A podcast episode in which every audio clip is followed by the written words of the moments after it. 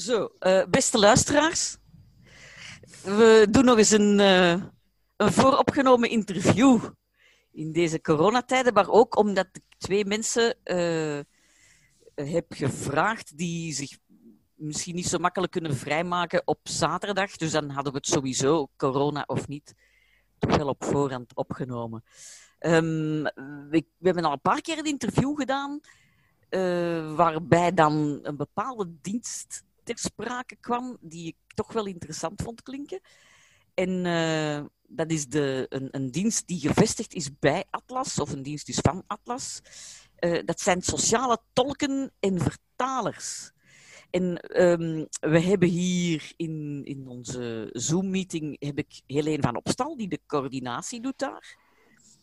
En uh, goedemiddag. Goedemiddag. En dan een van de sociale tolken, en dat is uh, Sali Ak Akdogdu. Akdogdu? Akdogdu, ja. Akdogdu, oké. Okay, goed. Helene, wil jij al eens eerst verduidelijken? Is het een initiatief van Atlas of is het gehuisvest in Atlas? Nee, wij maken wel degelijk deel uit van uh, Atlas. Hè. Atlas is de uh, verkorte naam voor het uh, agentschap Integratie en Inburgering van de stad Antwerpen. God, dat wist ik niet eens. Nee, als roepnaam hebben wij uh, Atlas genomen, uiteraard omdat we verder bouwen op initiatieven die er voorheen al binnen Atlas waren. Dus het is wel degelijk een dienst, een, uh, een, een werking binnen het stedelijk agentschap. Ja. Maar we zijn het resultaat van een fusieoperatie. Dus in 2015 is er een hele grote fusie gebeurd binnen uh, de sector integratie en inburgering. Dus vroeger had je heel veel verschillende integratiediensten, onthaalbureaus, Huizen van het Nederlands en veel aparte tolk- en vertaaldiensten. En men heeft die eigenlijk in één beweging naar drie agentschappen gebracht. De stad Antwerpen heeft er eentje, uh, in Gent zit er één, en je hebt het Vlaamse agentschap, die dus eigenlijk de rest van de provincies bestrijkt. Dus er waren voordien verschillende kleine initiatieven die dezelfde tolk- en vertaaldiensten aanboden als wat jullie nu aanbieden. Ja, dat klopt. Ik denk dat het uh, werkveld in, op een gegeven moment een twaalftal VZW's uh, telde, allemaal aparte tolk- en vertaaldiensten. Sommige gevestigd in een uh, stedelijke dienst, zoals de, onze vroeger. Wij maakten wel deel uit van de stedelijke administratie, de STA-dienst, zoals we nog bekend zijn in de geschiedenis van sommige tolken en vertalers. Uh, maar sommige waren ook gehuisvest in een provinciale werking. Dus het was eigenlijk een heel versnipperd landschap, net zoals de vele integratiecentra op de verschillende onthaalbureaus. En men heeft dat eigenlijk in een hele beweging samengebracht in, in grotere agentschappen. Ja, die, die VZW's, waren die dan gespecialiseerd in bepaalde talen of in bepaalde domeinen of zo? Of deden die allemaal krak hetzelfde? Wij deden eigenlijk, uh, maar nu, nu praat ik eigenlijk voor mijn beurt, want ik ben eigenlijk pas sinds de fusie uh, coördinator. Ik was vroeger ah, ja. werkzaam binnen een van die integratiecentra. Um, maar als ik een beetje kijk naar de geschiedenis van onze uh, dienst, de eerste tolkendienst of tolkenwerking is wel effectief ontstaan in Antwerpen, uh, in Antwerpen-Zuid zelfs. Voornamelijk als initiatief om daar uh, mensen die het Nederlands niet machtig waren te gaan ondersteunen. Vooral um, vanuit Arabische talen en Turkse talen. Dus dat was eigenlijk in 1982 het allereerste initiatief. En stilaan is dat, heeft dat een hele lange weg afgelegd naar professionalisering. kwam ook in andere regio's de nood aan communicatie, ondersteuning. En dat heeft eigenlijk een lange weg afgelegd. Um, om ook pas eigenlijk, als ik hier even op mijn speakbrief kijk, um, in 2009 effectief volwaardig door een minister opgenomen te worden uh, in een decreet. Ja. Uh, maar doorheen heeft die sector toch wel heel wat, of al die initiatieven wel wat moeite gedaan om zich verder te professionaliseren. Um, en als je ook een, ja, een decretale opdracht krijgt, dan kun je u als dienst daar ook verder in, in, mhm. in ontwikkelen, een opleiding um, voorzien. Zorgen dat de werking van de dienst, dat het aanbod met de vraag heel goed gematcht wordt. Maar ja. eigenlijk deden we wel allemaal hetzelfde. Ik zal het zo zeggen. Ja. Ehm, ik hoor jou zeggen, een opleiding voorzien. Mhm. En eh, wat voor opleiding is dat dan? Dat is de opleiding die Sali uh, ook heeft gevolgd. Ja, ja, dat vermoed ik. Ja. Daar zou we ook iets over uh, zeggen. Ja. Um, dat is eigenlijk een opleiding uh, voor sociaal tolk. Hè. Vroeger Ja. was er ook een specifieke opleiding voor sociaal vertalen. Die wordt momenteel georganiseerd door een dienst opleiding en certificering die in het Vlaamse agentschap zit. Zij, leiden, zij testen en leiden en certificeren um, tolken op. Ja. Specifiek voor de diensten sociaal tolken en vertalen. Dus wij kunnen eigenlijk afnemen van uh, de geslaagde kandidaten. Ah, dat, ja. is geen, dat is geen taalopleiding. Men gaat echt wel heel specifiek uh, tolktechniek, notitietechniek, um, kennis van verschillende soorten structuren, sectoren, jargon uh, aanleren. Ook het leren reproduceren hè, van informatie, je geheugen trainen en heel snel leren omzetten van de ene taal naar de andere taal. Aha. Je wordt wel... Geheugentraining. Dus Sali, jij bent nooit je autosleutels kwijt of zo. Je hebt een, uh, je hebt een heel goed getraind geheugen. Als het over tolken gaat, inderdaad, dan, uh, Ja. dan uh, zijn we getraind op uh, ons geheugen. Inderdaad, dat klopt. Ja, dus, maar jij hebt eerst een gewone eh, opleiding vertaler-tolk gedaan dan? Nee, eh, mijn eh, echte opleiding is bedrijfsbeheer. Aha, dat heb ik gedaan in Turkije. ja. En de tolkenopleidingen waar Helene het over had, heb ik hier gevolgd in Antwerpen en Brussel.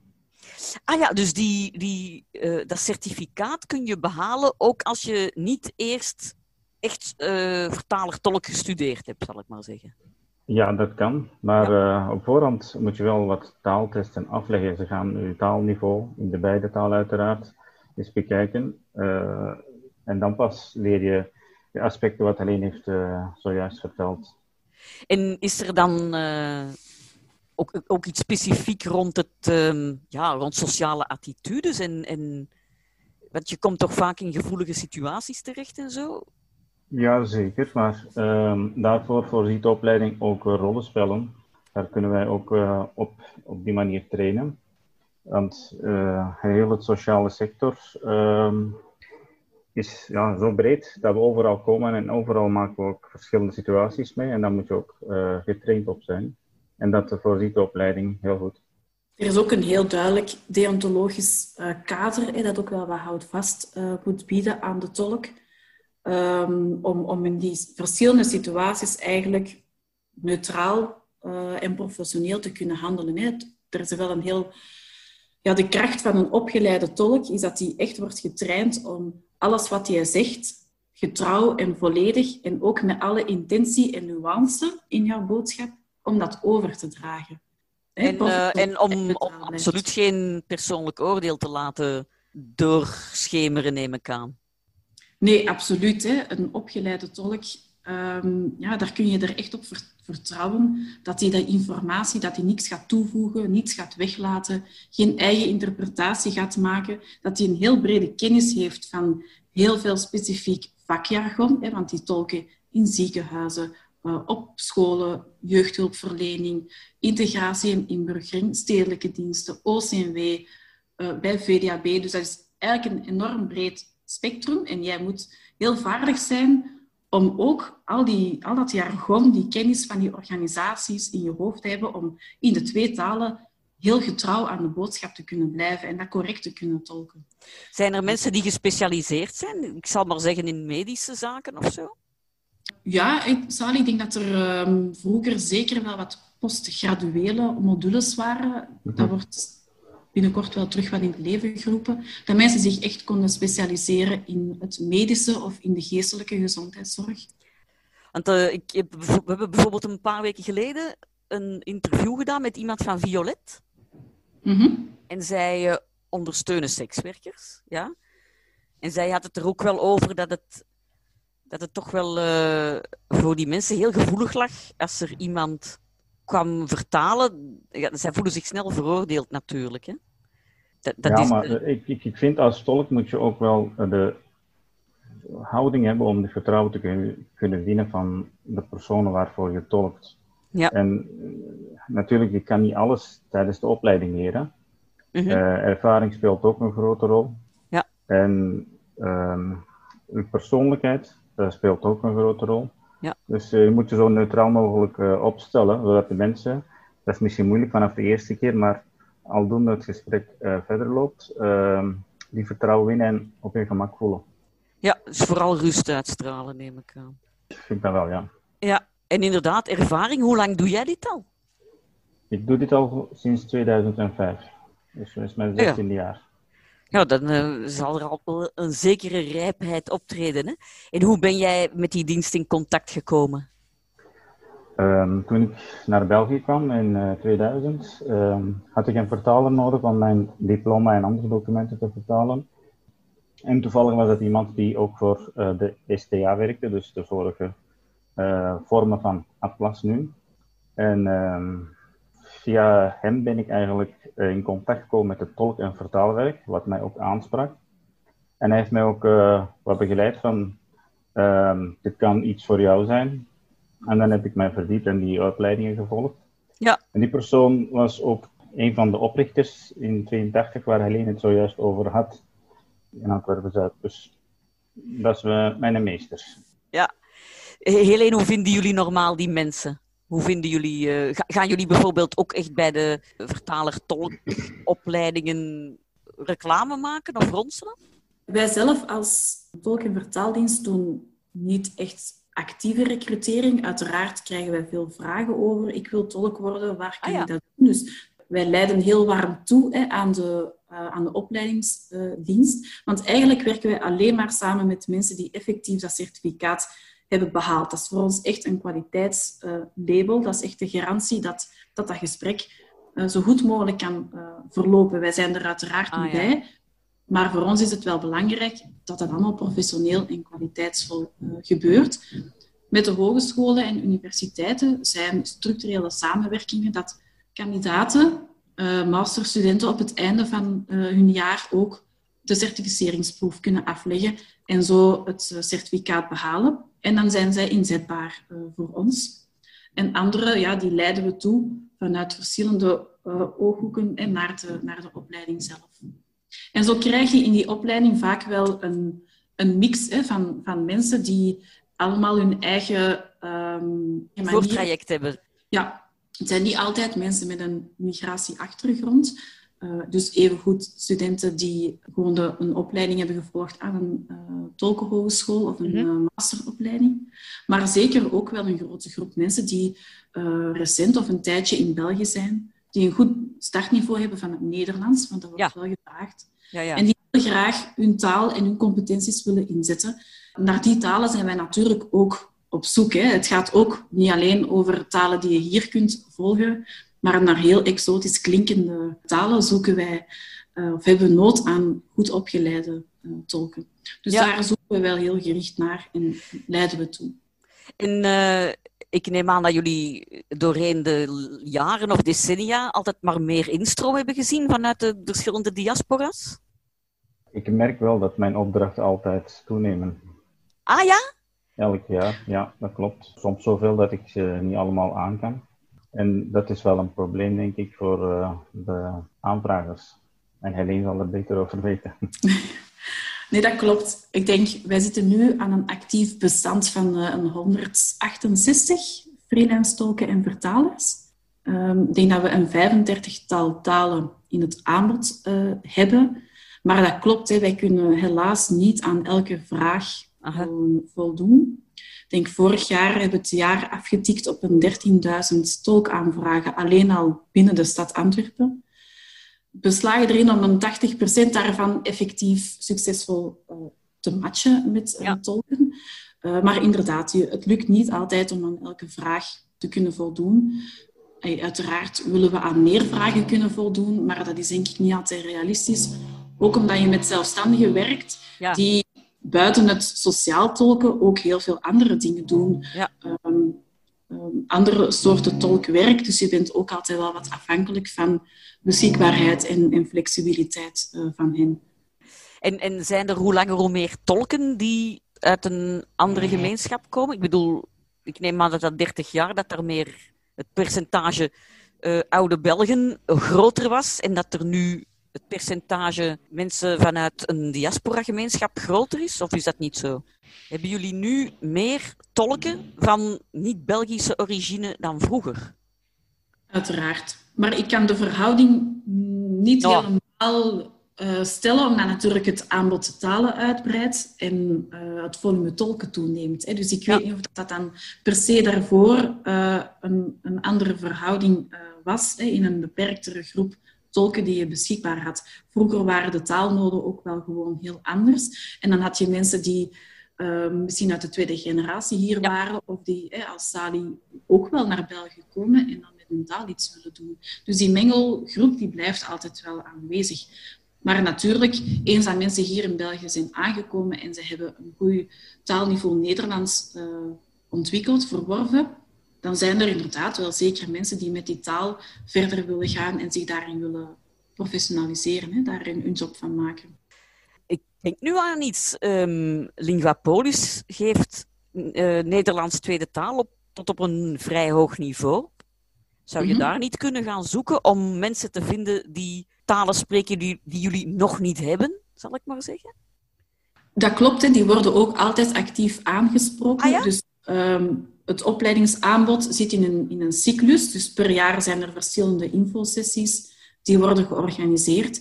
En als die infosessies uh, worden opengesteld, vooraf gaat er dan eigenlijk wel heel wat uh, informatie rond Um, ook naar organisaties zoals Ligapolis, maar evengoed ook binnen uh, eh, CVO's. Hè. Daar zit ook een, een groot potentieel. Ja, maar, ja. ja inderdaad. On, on, bij ons, wij geven maar tot richtgraad 2. En ik denk dat dat de, te weinig is om bij jullie te kunnen meedraaien. Maar bij andere CVO's gaat het verder, hè? inderdaad. Ja, je moet bij ons, een, om aan de opleiding te beginnen, is een instapniveau van B2 ja. vereist. Dat moet je kunnen aantonen. Uiteraard. Zeg Sally, hoe werkt dat nu eigenlijk? Um, dus jij tolkt of jij vertaalt of jij doet allebei? Ik doe de beide. Ik ah, doe ook naast sociaal tolken ook beëdigd tolken en vertaalwerk voor de rechtbank. Justitiële, ja, instantie rechtbank, politie, gevangenis, uh, noem maar op. En vertalen, dat kan ik me voorstellen. Je krijgt een opdracht, je krijgt een deadline. Daar kan je aan werken wanneer je tijd hebt.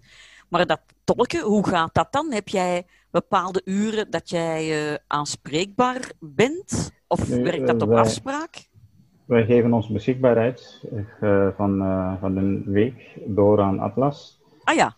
naar verlang ons beschikbaarheid. En als het natuurlijk een aanvraag niet matcht met een andere opdracht van mij, ja. dan sturen ze ons een mail.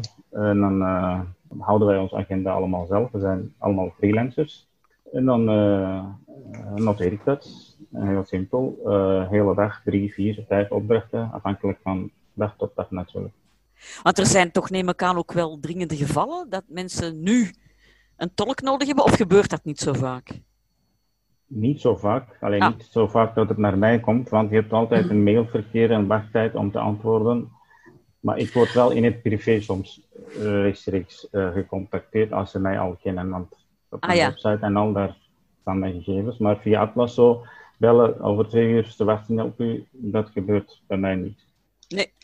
Het is misschien interessant om nog te vertellen dat er eigenlijk drie soorten sociaal tolken zijn, of vormen hè, waarin dat sociaal tolken kan, uh, kan gebeuren. Ofwel komt die tolk ter plaatse, dan moet hij zich natuurlijk verplaatsen en naar daar komen. En dan is het wel uiteraard noodzakelijk dat je op voorhand die afspraak maakt en inplant.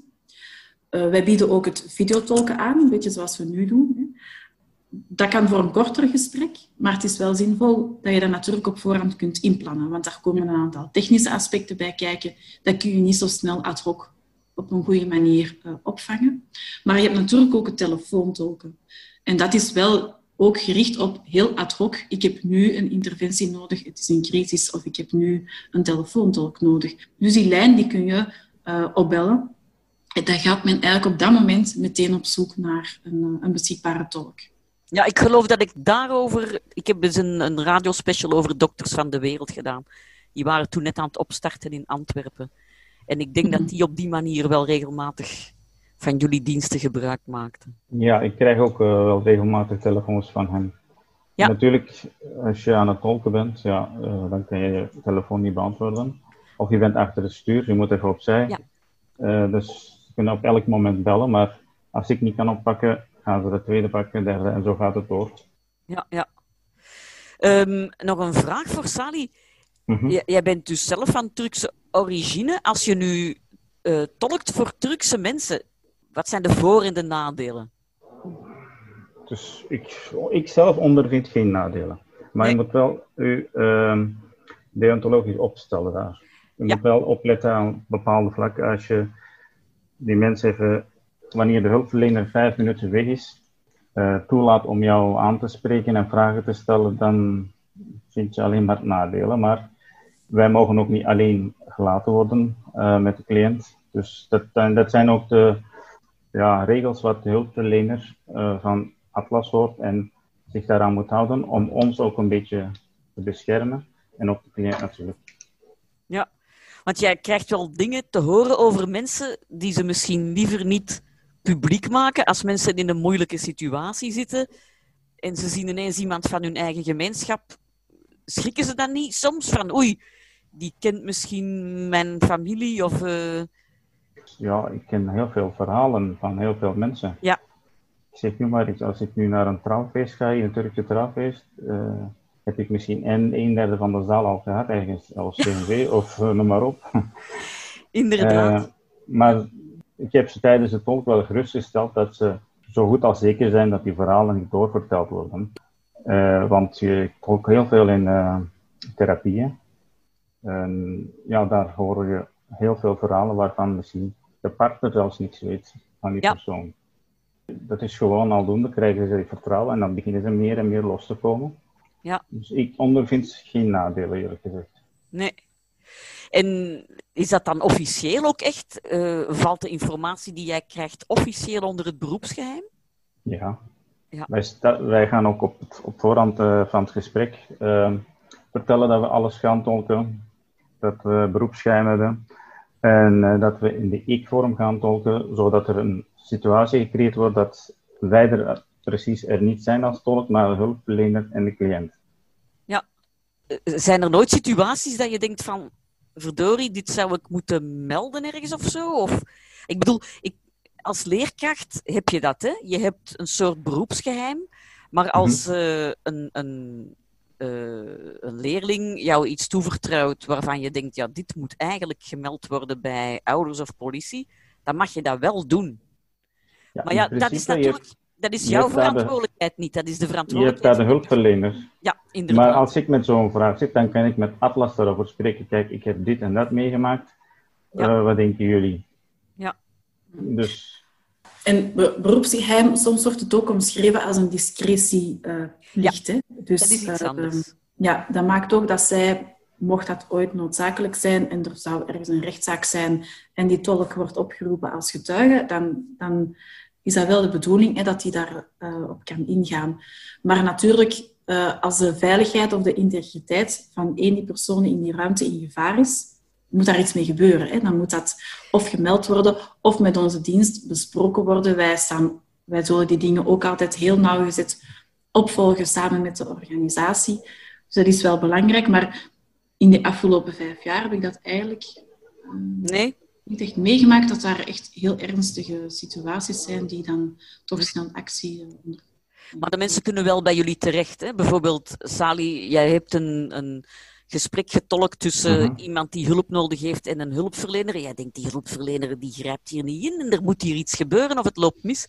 Dan kan jij wel...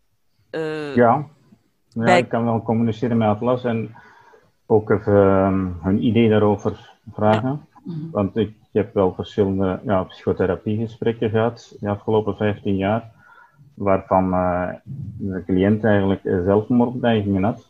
Ja, en dan grijpt natuurlijk de hulpverlener in. Maar het is niet altijd 100% uh, eh, zeker dat dat niet gaat gebeuren, want het gebeurde in het verleden wel. Dat dat toch zich voordoet, zoiets. Ja, en krijg je dat dan te horen als dat gebeurt, als het slecht afloopt met mensen voor wie je getolkt hebt? Nee, maar als de hulpverlener dat ook niet weet en we hebben een volgende afspraak gemaakt en we gaan daar en uh, die persoon is er niet, dat, soms bellen we wel, die zijn onderweg. En dan hoor je aan de telefoon dat dat al gebeurd is. Ja, dat is, toch wel akelig.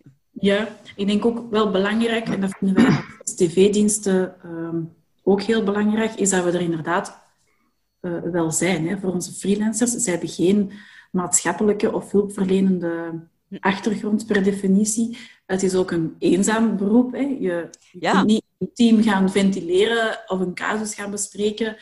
Um, dus je komt ook wel thuis na, na misschien een heel moeilijke en emotionele dag. Die wel, ja, het blijft ook wel plakken aan je lijf, want al die woorden gaan ook letterlijk door, jou, door jouw lijf natuurlijk. Wat, dat wou ik ook nog vragen. Uh, Sally, zie jij jouw collega's soms? Helene, worden er zo momenten georganiseerd dat die freelancers elkaar ontmoeten? Formeel of informeel, ik weet niet. Ik dacht iets van, zoals wij pedagogische studiedagen hebben, of gewoon voor een nieuwjaarsdrink of zoiets? Ja, dat, dat doet Atlas elk jaar, uh, nieuwjaarsdrink. Maar buiten dat zien we onze collega's, als wij ergens passeren, ik kom binnen, die gaat naar buiten, dat is het. Of je ziet elkaar vijf minuten in de wachtzaal, maar voor de rest zijn er geen momenten dat we elkaar echt uh, zien voor een lange tijd. Nee, we proberen nu samen met de andere diensten, uh, we hebben die fusieoperatie uh, stilaan wat uh, verteerd. We zetten ook wel hard in op een, een betere omkadering en ondersteuning hè, voor de tolken. De, de opleiding is er wel, maar er is zeker nood aan uh, dat tolken zich kunnen bijscholen, dat ze ook in theorie kunnen bijscholen, maar dat ze ook wel veel meer ervaringen kunnen, kunnen uitwisselen. Ja. Vroeger hadden we wel regelmatig een intervisiesessie uh, ah, ja. op Atlas georganiseerd, of organiseren we wat meer um, inhoudelijke momenten. Hè. De, de nieuwjaarsdrink was altijd heel leuk. Maar we proberen ook wel wat inhoudelijke momenten te doen. Ik denk dat denk, en volgende week staat er denk ik al een webinar op het programma. Ehm, samen met, uh, met een onderzoeker van de UA, waar dat we dan eigenlijk rond een uh, tolkthema wat dieper op ingaan. Maar ik denk dat uh, veel tolken ehm, die mij horen wel zo het gevoel hebben, ja, het mag wel wat meer zijn. Daar zijn we ons wel van bewust, hè, dat dat aanbod wel wat frequenter mag. Dus probeer daar zeker in de toekomst toe een beetje ja, versnelling hoger in te gaan. Ja, want dat is iets wat ik nu heel erg mis hè, als leerkracht. Ik zit altijd thuis. Normaal op school in de wandelgangen wissel je heel veel uit met collega's. Hè, van, ah oh ja, dit en ah, ja, dat heb ik zo gedaan. En, je kunt ook eens ventileren, inderdaad. Hè, als er iets moeilijk loopt of een of andere cursist. Maar dat hebben jullie dus inderdaad absoluut niet, hè? Nee, wij hebben dat heel weinig. Veel te weinig. Maar ja, dat zijn de omstandigheden. Hè. Dus... Ja het is ook iets eigen aan het beroep zelf. Je gaat niet met drie gaan tolken ergens. Hè. Dus uh, je bent altijd eenzaam. Ja, ja, dat is waar. Ja, wij staan wel, ik sta ook alleen voor de klas, maar wij zien elkaar in het lerarenlokaal. Jullie hebben geen gemeenschappelijke fysieke uitvalsbasis natuurlijk als freelance. Dat klopt. Nee, ze komen ook van uh, overal. Uh, ah, zelfs van Nederland komen ze tolken in, in België. Dus ja, er zijn tolken die uit Hasselt komen, uit Breda, voorbij Gent, uh, onder Leuven. Dus die leggen best wel veel afstanden af. Om, ah ja, eh, maar zeker voor die telefonische dienst. Want ik was aan het denken, voor die telefonische dienst... Je zegt dat er, dat er zo drie diensten zijn in Vlaanderen. Maar telefonisch maakt het toch niet uit waar die mensen zitten. Dus dan zou je toch een gemeenschappelijke telefonische pool kunnen hebben? Of ja, is dat er al? Dat wordt gedaan. Hè? Dus je had ah, vroeger uh, Babel VZ2. Dat is misschien nog een naam die wel nog wat gekend is in de sector. en dat was eigenlijk alleen maar een aanbod telefoontolken. En die VZ2 is tijdens dus die fameuze fusie uh, in het Vlaamse agentschap ingekanteld. Dus die voorziet inderdaad een centraal aanbod voor heel Vlaanderen. Want dat maakt inderdaad niet uit uh, naar waar je dan gaat. Je bent gewoon op dat moment onderweg of thuis om, om die interventie te doen. Ja, ja dat klopt. En internationaal, zijn er dergelijke diensten in andere landen? Ik neem aan van wel. Is daar wat uitwisseling of uh, samenwerking? Ja, momenteel is denk ik hebben we een Belgische voorzitter. Er is een soort van, um, ja, noem het misschien meer een, een, lobbygroep, waar dat men over het publiek of het sociaal tolken en vertalen wat ervaringen uitwisselt met andere landen. Maar het sociaal tolken als effectief apart beroep met een eigen opleiding, dat is eigenlijk in heel veel landen niet aanwezig. Hè. Ah. Heel vaak zijn dat toch privétolken of beëdigd tolken die ruimer in dat werkveld uh, actief zijn. In Nederland is dat ook, dat is volledig geprivatiseerd. Hmm. Um, dus dat zijn eigenlijk commerciële bedrijven die tolken uh, inzetten, ook in ziekenhuizen, ook in uh, scholen. Ja. Dus het is niet in elk land even ja, hetzelfde georganiseerd. Klopt. Ja. Maar we proberen wel wat practices um, uit te wisselen. Want ik was al aan het denken, je zou inderdaad binnen het Nederlands taalgebied een gemeenschappelijke telefonische pool kunnen aanleggen, alhoewel dat een Vlaams accent en een Nederlands accent toch wel veel kunnen verschillen. Hè?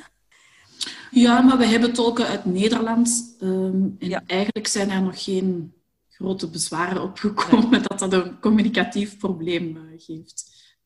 Um, ja, ik ben zo wat door mijn vragen. Mm -hmm. Wat ik nog wilde doen was een laatste oproep. Wat hebben jullie nog nodig? Je zegt, we hebben 35 talen in huis. Wat is er dringend nodig? Sali, zijn er meer Turkse tolken nodig, denk je? In die afgelopen 16 jaar ben ik uh, de enige die voor de Turkse taal ononderbroken heeft uh, getolkt.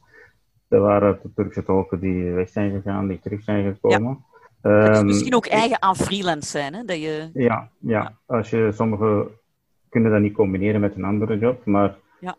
uh, meer tolken kunnen wel gebruikt worden, ook voor Turks. Want de, het gewenste effect is dat je elke aanvraag als tolkendienst kan beantwoorden. Hier, je hebt een tolk. En mm jullie op 80% over het algemeen? Zo, eh, wat, wat, wat heb je nodig om die 20% nog aan te vullen? Dus nog een, nog een Turk of twee? En uh, wat nog? Wel, ik ga misschien toch eerder iets uh, aangeven dat um, ja? eerder onverwacht is.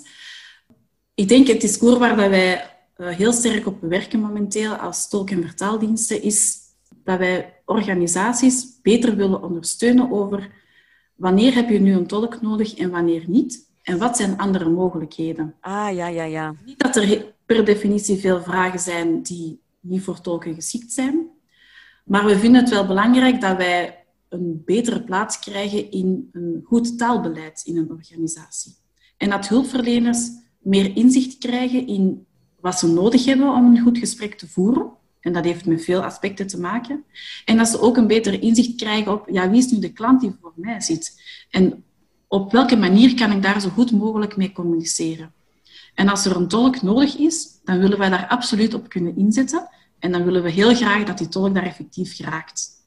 Um, maar soms uh, is het ook wel belangrijk om hulpverleners van een breder inzicht te geven in een heel breed spectrum van taalinstrumenten, zoals wij dat zeggen. En we willen vooral bekomen dat tolken heel efficiënt en heel effectief worden ingezet. En het is natuurlijk welkom dat er meer tolken zijn in meer talen, maar dat gaat niet per definitie het sluitende antwoord worden op die 100 procent. Okay. Dus binnen Atlas zetten we daar ook wel heel sterk op in. Het is een, een duidelijk en-en uh, verhaal.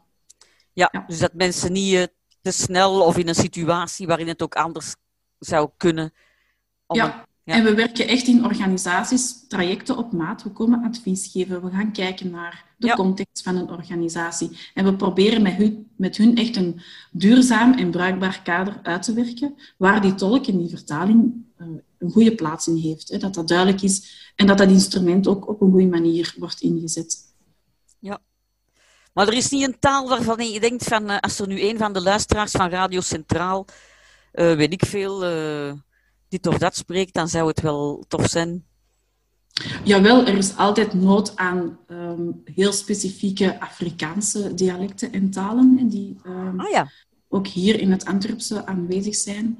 Uh, dat zijn wat wij noemen de kleinere taalgroepen, maar wij hebben vaak niet de taal in het, in het aanbod, dus dat is zeker wenselijk. Een grote nood aan Tigrinya, aan Somali, ook wel aan Peul bijvoorbeeld. Dus dat ah, zijn Polar, dat spreek ik. Ja? Ja, maar niet zo vlot dat ik erin kan tolken, denk ik. Het is eerder uh, richtgraad 1 of 2, denk ik. Enfin, maar zeker ook uh, Perzische talen. Hè? Het Dari, het Farsi, uh, maar ook Pashto. het Pashto. Ja. Um, en we schuiven een beetje op en dan komen we aan het Hindi, aan het Punjabi. je hebt hier in Antwerpen um, ook daar veel gemeenschap in, waar dat we niet altijd het, juiste antwoord kunnen vinden. Dus als er luisteraars zijn die die talen heel goed beheersen en ook het Nederlands machtig zijn en daar interesse in hebben, die kunnen altijd contact nemen met onze dienst en dan geven wij hen graag meer informatie. En waar vinden ze jullie dienst? Op de website van Atlas? Op de website van Atlas in de Carnotstraat. Uh, ah ja, ze mogen ook gewoon komen. Geen probleem. Ja? Wilden jullie nog iets toevoegen? Nee, dus ja, in, de, in de marge, want ik vind dat dat ook wel even gezegd mag worden. Uh, Sali heeft daar uh, zeker ook zijn bijdrage aan geleverd. Um, de STV-diensten hebben eigenlijk de voorbije maanden heel hard uh, gewerkt, of, en doen dat nog steeds, aan het voorzien van meertalige uh, communicatie in de volle coronacrisis. Um, we hebben eigenlijk een expres vertaalwerking opgezet om echt binnen de 24 uur vertaalwerk op te leveren. Uh, wij doen dat voor het Nationaal Crisiscentrum, voor het Vlaamse Crisiscentrum en ook voor de stad Antwerpen. En Sali is daar een van de, die vertalers voor die zich daar uh, elke dag voor inzetten, want wij krijgen elke dag nog steeds heel wat um, vertaalwerk uh, op ons bord.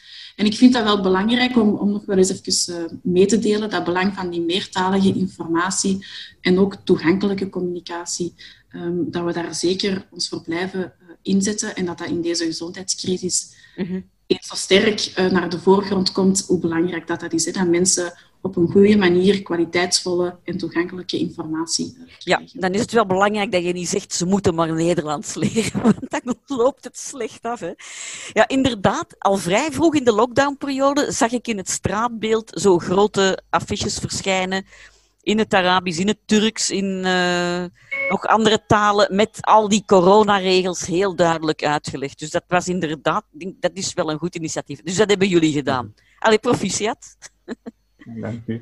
Ja, nog, misschien nog één ding. Uh, buiten het uh, ja, schriftelijke communicatie. Ik werk nu ook uh, deeltijds in het ziekenhuis. En u had zojuist gezegd, ze moeten maar de taal leren. Maar omwille van de gevoeligheid van oudere mensen, die op de intensieve zitten met COVID, ja, die kunnen niet communiceren met de arts, met de verpleging.